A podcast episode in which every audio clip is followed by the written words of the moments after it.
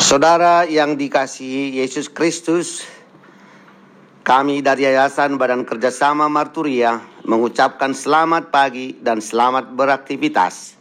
Kita akan mendengar lagu pujian dari buku Ende.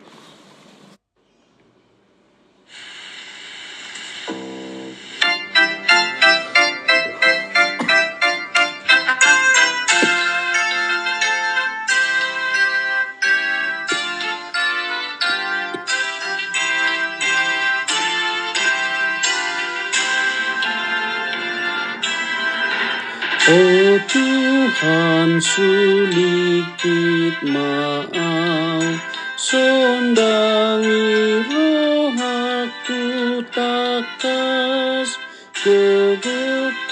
so ada diau Tuho au paringgas Tuho au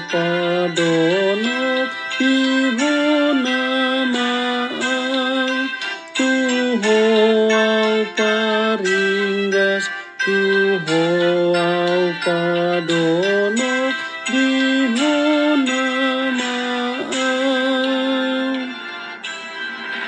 Sudehu pasahat tuho Ai hona puna sahian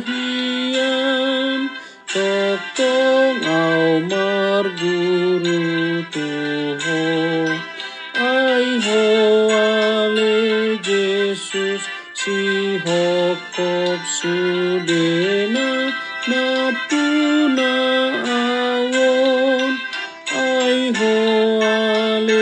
Jesus si hokop sudena na puna awon. Ya Tuhanku uji diriku Sinari juga hatiku. Tiada kekuatanku Kuatkan hatiku Dekatkan padamu. Aku milikmu.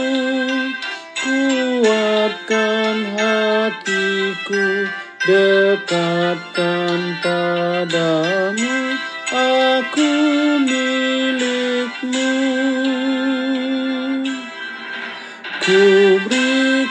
berikan semua milikku Engkaulah sumber hidupku. Padamu aku berserah. Engkaulah Tuhanku serta penebusku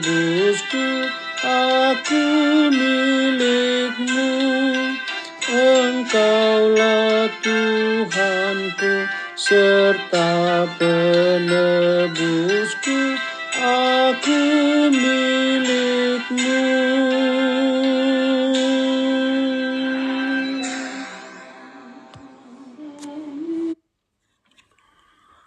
Saudaraku yang dikasihi Tuhan Yesus Kristus, sebelum kita mendengar firman, mari kita berdoa terlebih dahulu.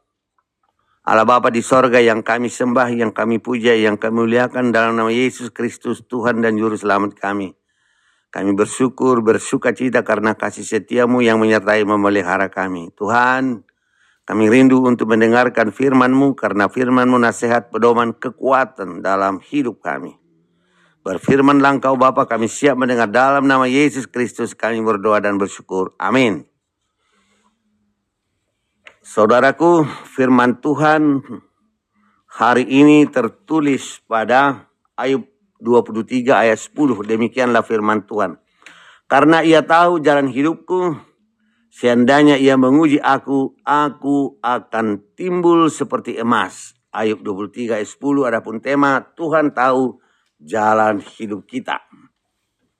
Saudaraku, hingga saat ini masih banyak orang menyangka dan memahami bahwa penderitaan, kesusahan, atau penyakit yang menimpa seseorang adalah sebagai murka atau hukuman Tuhan karena dosa pribadi dosa orang tua atau nenek moyang.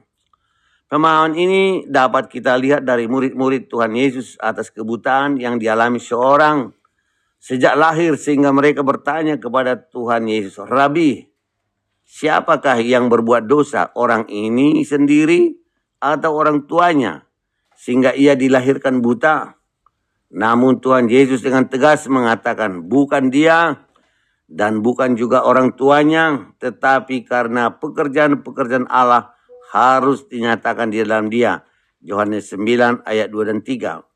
Sikap dan pemikiran inilah terjadi dari sahabat-sahabat Ayub yang menuduh bahwa penderitaan dan kesusahan yang dialami sebagai buah dari dosa dan kesalahannya. Ayat 22.